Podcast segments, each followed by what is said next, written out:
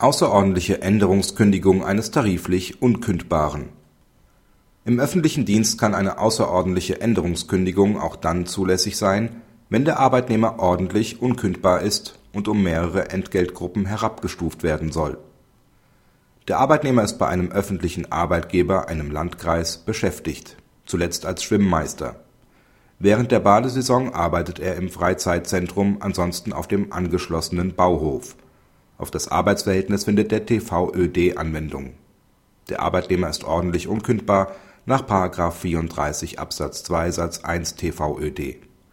Im März 2007 stellt der amtsärztliche Dienst eine chronische Erkrankung des Arbeitnehmers fest. Er ist gesundheitlich nicht mehr zur Rettung Ertrinkender in der Lage.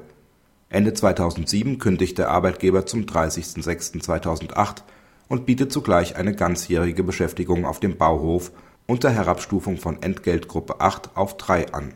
Der Arbeitnehmer erhebt Kündigungsschutzklage, verliert jedoch in allen Instanzen.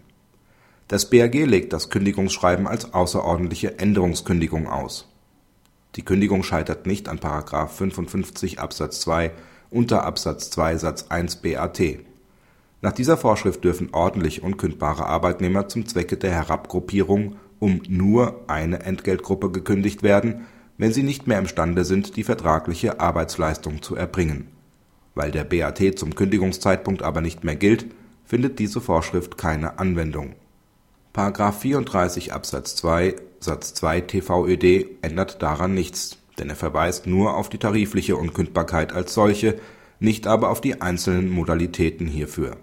Das BAG prüft daher nur § 34 Absatz 2 Satz 1 TVöD der erforderliche wichtige Grund für die außerordentliche Änderungskündigung liegt hier vor.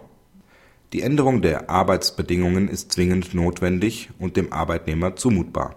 Es liegt eine dauerhafte Störung des vertraglichen Austauschverhältnisses vor. Der Arbeitnehmer ist nicht mehr als Schwimmmeister oder auf gleichwertiger Stelle einsetzbar.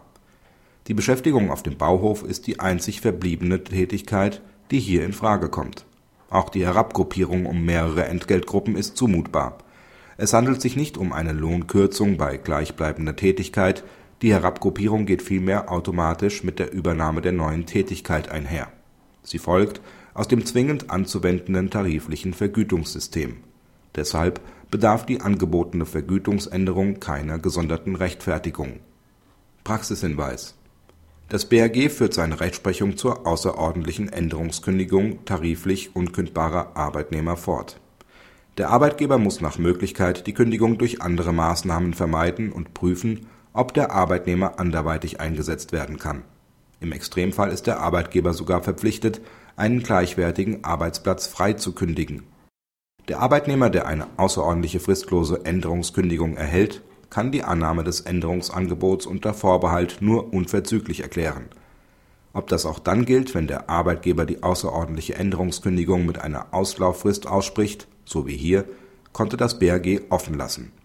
Zwar sprechen gute Gründe dafür, dass dem Arbeitnehmer dann die Erklärungsfrist des § 2 Satz 2 Kündigungsschutzgesetz zugutekommt, der sicherere Weg ist jedoch die unverzügliche Vorbehaltsannahme